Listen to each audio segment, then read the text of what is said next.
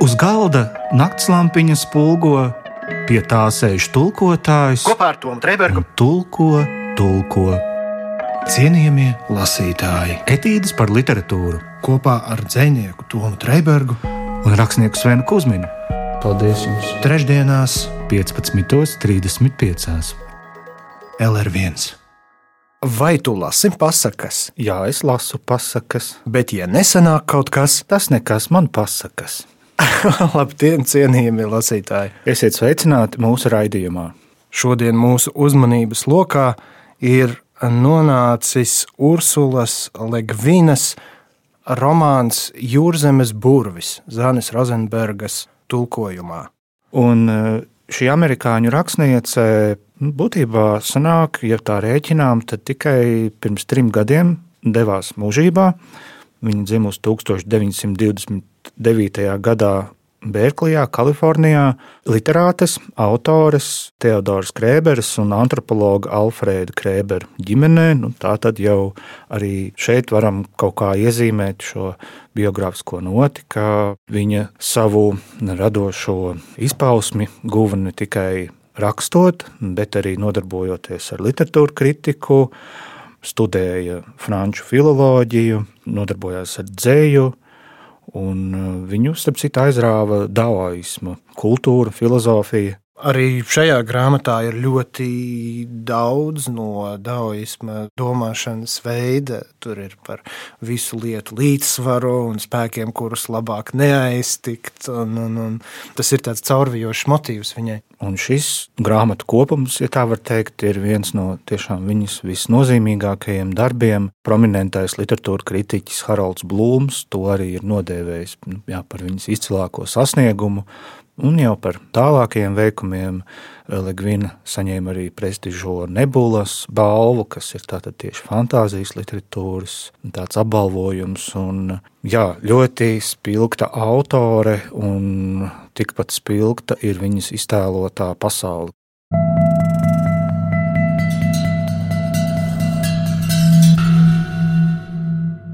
Pirmā lieta, kas manī pārsteidza Jūrzemes burvī, bija tas, ka man nebija sajūtas, ka šī pasaule ir nu pat tikko sākusies. Man nebija tādas sajūtas, ka es lasu pirmo grāmatu šajā sērijā.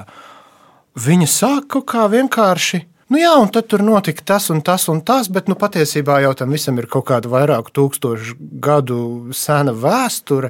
Nu, ka tevi nevis pamazām aiz rociņas ieved tajā pasaulē, bet tevi vienkārši tur nu, iegrūž tajā basēna dziļajā galā uzreiz.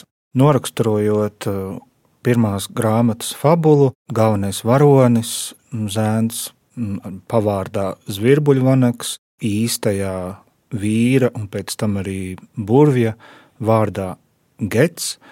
Viņš uzsāk ceļu burvestību un zinšu pasaulē, pateicoties būtībā savā ziņā ne jau nu negadījumam, bet nu, tādai mazai sadzīviskai detaļai, viņa tante, kura arī ir zintniece, kādu dienu vienkārši pamana šī zēna spējas, un šī burve, kuru Ligvina noraksturo kā neizglītotu sievu starp neizglītotiem ļaudīm, viņa iemāca pašas nu, tās pamatprasmes, nu, kaut kādas vienkāršākās burvestības, kuras drīz vien izrādās ļoti vitāli svarīgas, lai zvirbuļu vanaga ciematu aizsargātu no iebrucējiem. Nu, tad jau tālāk seko skološanās pie patiesa, maga un arī nokļūšana raukā, īpašā salā, kurā atrodas burvju un magu skola. Nu, sākums ir klasisks. Ļoti, ļoti klasisks pasaku motīvs. Tātad, ja? Un ne tikai pasaku.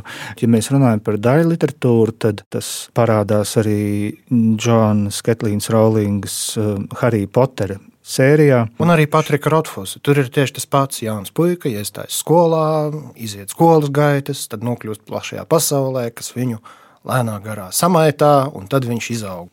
Teiksim tā, tā kā mēs viņus tik tālu esam noraksturojuši, viņas izklausās aizdomīgi vienādas visas, vai ne? Nu, vai vismaz līdzīgas. Tajā pašā laikā, ja man jautātu, tagad, kāda ir Ursulas Ligvīnas jūrzeme, nu, pajautā man tagad, Sven, kāda ir Ursulas Ligvīnas jūrzeme?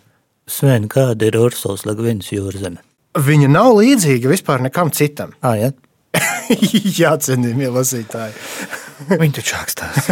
Tas ir viss, ar ko viņi nodarbojas.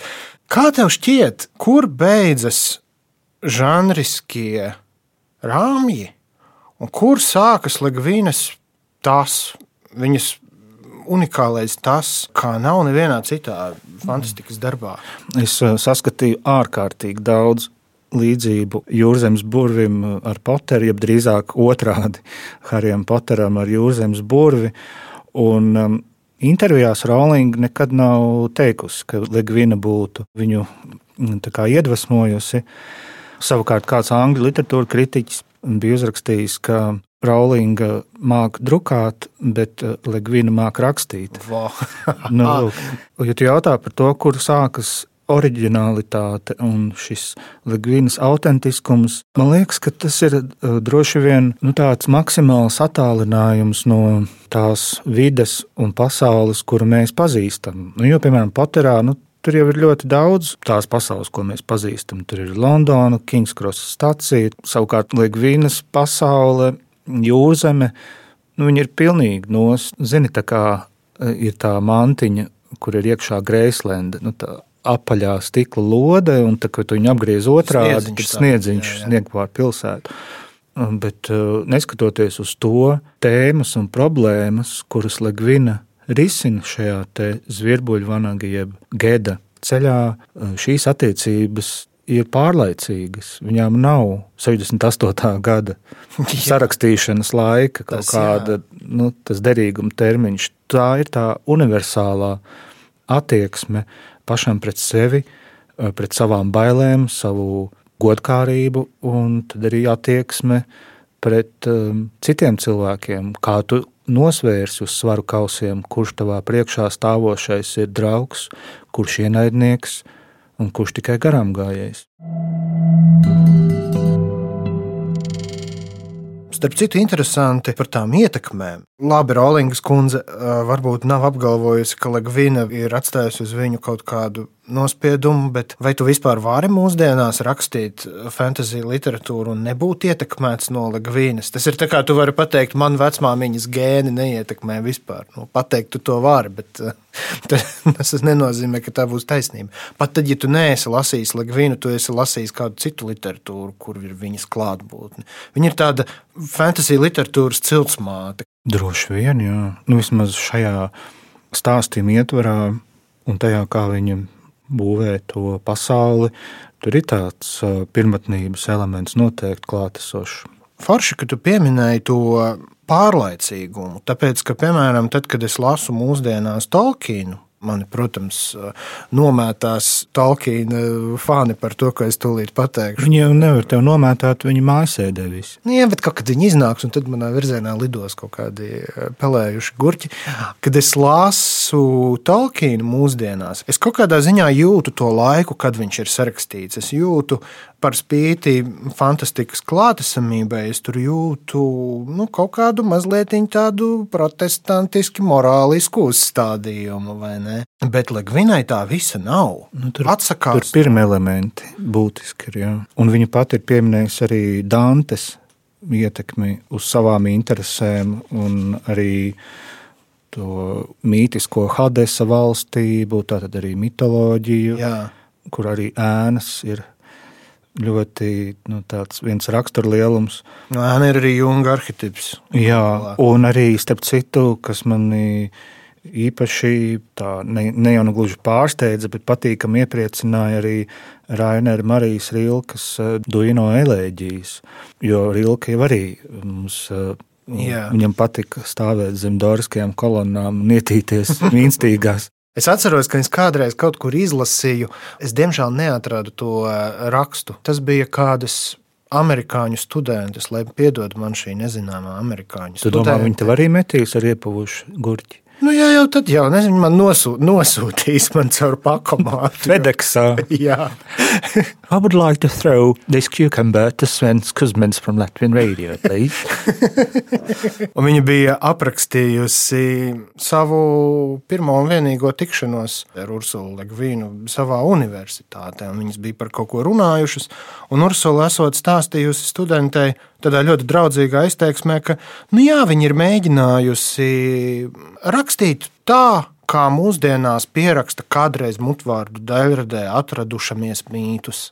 Un droši vien, ja mēs to izskatām kā literāru paņēmienu, tas taču ir šausmīgi forši. Tas sanāk, ka mēs lasām nevis to mītu, bet mēs lasām tā mīta pārrakstītu formu, tāpēc, ka, nu, kā agrāk, kā, ka tu mm, nevis tu, bet eh, kāds cilvēks batiko, piemēram, tur arī tie toņi veido to spektru, vai ne? Un tad arī tā galvenā krāsviela ir mīts, un tie atplaiksnījumi ir visi tie autori, kuri šo mītu izmanto. Tāpēc tur varbūt arī ir tāda atsvešināta noskaņa. Tas apmēram tāda pati rodas, kad lasa kaut vai ķeltu mītus, kaut vai džūkstas pasakas. Tu neesi tur tieši klāts, bet tu esi caur vēsturi kaut kā ticis klāt tam visam. Un tad es saprotu, ka tās nav vienkārši kaut kādas cilvēka sacerētas pasakiņas. Tas ir kaut kas vairāk. Tas patiešām ir kaut kas jungiskā veidā izcelts no nefiziskās sfēras, lai kā viņi arī sauktos. Nu, viss šis ir analītiskais strupceļš, tagad ir tikai jālasa fragmenti un vairāk nekas cits. Un te ir tāda aina, kur jaunais zvirbuļvanaks nav vēl iestājies nekādās vispārējās magu izglītības iestādēs, Un te viņš varbūt drusciņi izrādās vienai meitenei ar visādām lietiņām, ko Kur viņš, viņš pēc tam vēlāk vēl satiks. Jā.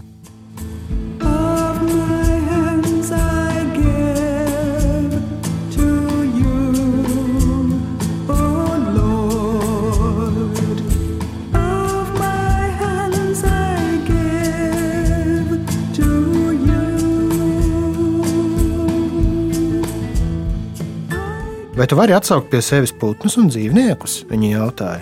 Vāru, Geits atbildēja. Viņš zināja, ka Klintīs virs pļāvas atrodas piekūna līgsta un pasauca putnu vārdā. Putns atlidoja, tomēr nesēdās Gedam uz rokas. Acīm redzot, to atturēja meitenes klātbūtne. Tas ieķērcās un ar platajiem, robotajiem spārniem šķeldams gaisu atkal pacēlās gaisā. Kā sauc burvību, ar ko tu piespiedi piekūnu lidot šurp? Izsaukšanas burvība. Vai tu vari izsaukt pie sevis arī mirušo garus? Gets nodomāja, ka meitene zobojas par viņu, tāpēc ka piekūns nebija pilnīgi pakļāvies viņa izsaucienam. Izzobot sevi nu gan viņš neļaus. Ja gribētu, tad varētu, viņš mierīgi atbildēja. Vai tas nav ļoti grūti un bīstami izsaukt garus? Grūti, jā, bet bīstami. Gets parastīja plecus. Šoreiz viņš gandrīz nešaubījās, ka meitenes acīs redzējis apbrīnu. Un vai tu proti pieburt mīlestību? Tā nav nekāda māksla. Pareizi, meitene piekrīt, to var jebkura ciemata ragana. Bet vai tu proti pārvēršanas burvības, vai tu vari pārvērst pats savu izskatu, kā burvju reizēm darot? Gēts atkal nesaprata, vai tikai meitene nezobojas par viņu, tāpēc atkal atbildēja, ja gribētu, tad varētu. Meitene sāka lūgties, lai viņš par kaut ko pārvēršoties, par vānagu būli, ugunskura vai koku, pēc savas patikas. Gets atvairījās ar īsiem mīklainiem vārdiem, kādus pa laikam lietoja viņa skolotājs, tomēr neprata klāji atteikt meitenes lūgumam. Turklāt viņš pats nezināja, vai var ticēt saviem pārdrošajiem apgalvojumiem. Tāpēc Gets devās projām, teikdams, ka viņa skolotājs mags gaidot viņu atpakaļ, un nākamajā dienā uz šo pļavu vairs nenāca. Tomēr aiznākamajā dienā viņš atkal atnāca šurp apgalvodams sev, ka jāsalasa pēc iespējas vairāk reto puķu, kamēr tās zied. Meitene bija jau priekšā, un viņa ap kailām kājām brīda pa purvaino zāli, plūkdami lielos baltos plīvureņu ziedus. Spīdēja pavasara saule, un meitene tērzēja ar gedu tikpat nebēdīgi kā jebkura viņa dzimtā ciemata kazu gane. Viņa atkal iztaujāja gedu par burvībām un platām acīm klausījās zēnas stāstos, un gedā atkal iedegās vēlme padižoties. Meitene pajautāja, vai Gets varētu parādīt kādu pārvēršanās burvību, un kad viņš atvairījās, tā paskatījās uz viņu, atmestama no pieras melnos matus un noprasīja, vai tu baidies? Nē, es nebaidos. Meitene mazliet augstprātīgi pasmaidīja un teica, nu, varbūt tu esi par jaunu. To Gets nevarēja paciest. Vārdos viņš neko daudz nesacīja, taču apņēmās pierādīt meitenei savas spējas. Pateicis, lai viņa atnākot rīt uz šo pašu pļāvu ievēloties, Gets atsveicinājās un devās uz mājām. Viņa skolotājs šajā laikā vēl nebija atgriezies, un Gets devās taisni pie grāmatu plaukta un paņēma divas zinību grāmatas, kuras Ogions viņa klātbūtnē nekad vēl nebija atvērs. Viņš sāka meklēt pārvēršanās burvību, bet runu lasīšana viņam vēl padevās lēni, un daudz ko no lasītā viņš nespēja saprast, tāpēc nevarēja atrast meklēto. Ogians tas bija ieguvis no sava skolotāja Helēta viedā, un Helēts pirms tam no savējā, no Peregalas maga, un tā arvien tālāk pagātnē līdz pat mītu laikiem. Raksts bija sīgs un dīvains, un starp rindām redzami daudzu roku iesprāsti labojumi un papildinājumi. Visas šīs rokas bija sen pārvērtušās pīšļos, tomēr šur tur Gedam izdevās lasīt to saprast, un visu laiku atcerēdamies meitenes jautājumus un zobgalības, viņš šķīra lapuses, līdz beidzot nokļuva tajā vietā, kur stāstīts par mirušo garu izsaukšanu. Kamēr Gets to lasīs, vīzdams par daudzajām rakstu zīmēm un simboliem, viņu pamazām pārņēma šausmas. Viņa acis kā piekaltas vērās lapusē, un viņš nespēja pacelt skatienu, ja kams nebija izlasījis burvestības mācību līdz galam. Pēc tam pacēlis galvu, Gets ieraudzīja, ka mājā ir tumšs.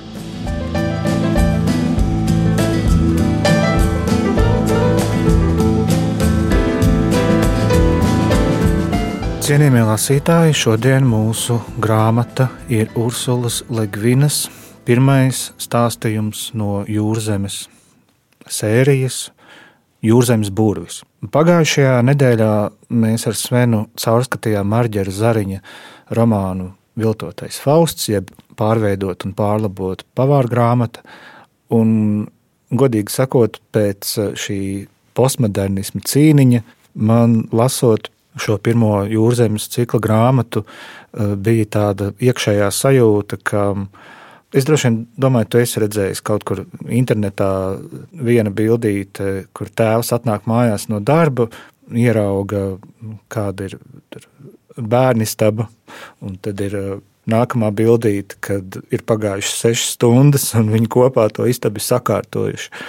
Man kaut kā tā analoģija liekas, jā, ka Marģers Zariņš ar savu pieeju to bērnu stabu tur bija uztaisījis nu, tādu rītīgu jandāliņu. jā, jā, jā. Un savukārt, kad tu nonāc uh, Ligvinas pasaulē, tur katrai lietai ir sava vieta. Viņā ir baigā tīrība, jā. un viņa nav piesārņota ar sižetiem, tā grāmata, kas man ļoti patīk. Varētu domāt, kas tur notiek. Bet, lūk, notiek ļoti daudz kas. Notiek tās kaut kādas pirmotnējās lietas, gan ar cilvēku, gan ar dabu. Un viņai nevajag mākslīgus draudus radīt savu varoņu ceļā. Viņai nav nepieciešami dramaturgiski kruķi. Viņa vienkārši tā brīvi plūst. Es nezinu, kā vēl to varētu noticēt. Ja, bet eh, redzi, tas jau ir vecais stāsts par to, lai brīvi plūstu. Iztēlojies, cik milzīgs treniņš tev ir vajadzīgs gan skaidros ūdeņos, gan bangojošos, gan Par upē, gan šaubu. ezerā un tam līdzīgi, lai tu to brīvo plūšanu varētu īstenot. Par to nav šaubu. Starp citu, vēl viena ļoti, man šķiet, pareiza lieta, ko tu citēji. Ja Rolinga prot brīnišķīgi drukāt, tad Ligvīna prot brīnišķīgi rakstīt. Tu taču zini, tu ieeji grāmatnīcā, tur fantasy literatūra parasti ir nu, kaut kādas ļoti garas sērijas, krāsainos vākos ar drakoniem virsū, kas aizņem pusotru plauktu. Bet Ligvīnas grāmatu var ielikt kabatā, bet viņi nepasaka mazāk, brīžiem viņi pasaka vairāk.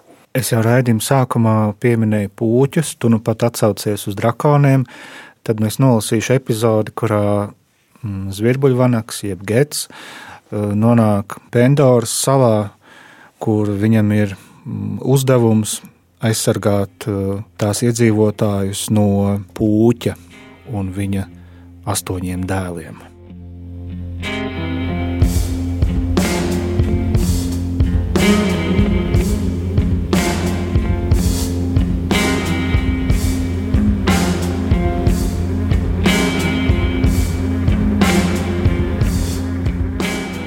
Tu esi ļoti jauns burvis, Pūķis teica. Es nezināju, ka cilvēki tik agri var iegūt šādas spējas. Tāpat kā Gets, viņš runāja senvalodā, un tā joprojām ir puķu valoda. Kaut gan senvalodas lietojums piesaista cilvēku patiesībai, uz puķi šis likums neatiecas. Tā ir viņu pašu valoda, un viņi var tajā melot, izšķobīt patiesus vārdus līdz nepatiesai nozīmei, sagūstīt nepiesardzīgu klausītāju spoguļvārdu labirintā, kur katrs vārds atspoguļo patiesību, bet neviens nenoved līdz galam. No tā Gets bija daudzkārt brīdināts, tāpēc puķa valodā viņš klausījās ar neusticību un modrām šaubām. Tomēr puķa vārdi šķita tieši un skaidri. Vai tu esi atnācis šurp lūgt manu palīdzību, burvi? Nē, puķi, un tomēr es varētu tev palīdzēt. Drīz tev būs vajadzīga mana palīdzība, lai stātos pret to, kas tevi vajā tumsā. Gets apstulbs klusēja. Kas tevi vajā? Nosauc man to! Ja es varētu to nosaukt, Gets iesāk un aprāvās. Zeltaini dūmi savērpās virs puķa iegrenās galvas, plūzdami no nāsīm apaļām uguns atverēm. Ja tu varētu to nosaukt, tu varbūt varētu to pieveikt burvi. Iespējams, ka es redzēdams to tuvumā, varētu nosaukt tā vārdu. Un tuvumā tas būs redzams itin drīz, ja tu kavēsies pie manas salas, Tas ies visur, kur piesi tu. Ja negribi to laist sev tuvumā, tev jābēg, jābēg un mūžīgi jābēg no tā. Un tomēr tas sekos tev pa pēdām, vai gribi, lai es uzzinu tā vārdu? Gets klusēja. Viņš nevarēja iedomāties nec to, kā puķis zina par viņa atsvabināto ēnu, nec to, kā tas varētu uzzināt ēnas vārdu. Arhimaks bija teicis, ka ēnai nesot vārdu. Tomēr puķiem ir pašiem sava gudrība, un tie ir senāki cilts nekā cilvēki. Tikai retais spēja izdibināt, ko zina puķis un kā viņš to zina, un šos retos sauc par puķu valdniekiem. Gets skaidri zināja tikai vienu. Kaut gan pilnīgi iespējams, ka puķis runā taisnību, kaut gan pilnīgi iespējams, ka viņš spētu pastāstīt Gedam ēnēnā rēga dabu un vārdu, tādējādi dodams viņam varu pār to, pat tādā gadījumā puķis to darītu tikai pats savā labā. Ļoti reti gadās, ka puķi piedāvājas darīt cilvēkiem labu, jaunais burvis beidzot teica. Toties itin bieži gadās, ka runcis paspēlējas ar peli pirms to nogalina, puķis atbildēja. Bet es nebraucu šurp, nedz spēlēties ar tevi, nedz ļaut tev spēlēties ar mani. Es braucu noslēgt ar tevi līgumu. Ass kā zobens, bet pieckārt garāks par garāko zobenu, virs bruņu klātās muguras, gaisā izslējās puķa astes gals, izliecies kā skorpiona vēders, tas meta loku augstāk par augsto torni. Puķis sausi atmeta. Es neslēdzu līgumus, es tikai ņemu. Ko tu vari man piedāvāt tādu, ko es pats nevarētu paņemt, ja vien gribētu? Drošību, tavu drošību. Zvēri, ka tu nekad nelidosi uz austrumiem no Pandoras, un es zvērēšu, kā atstāšu tevi neskatu.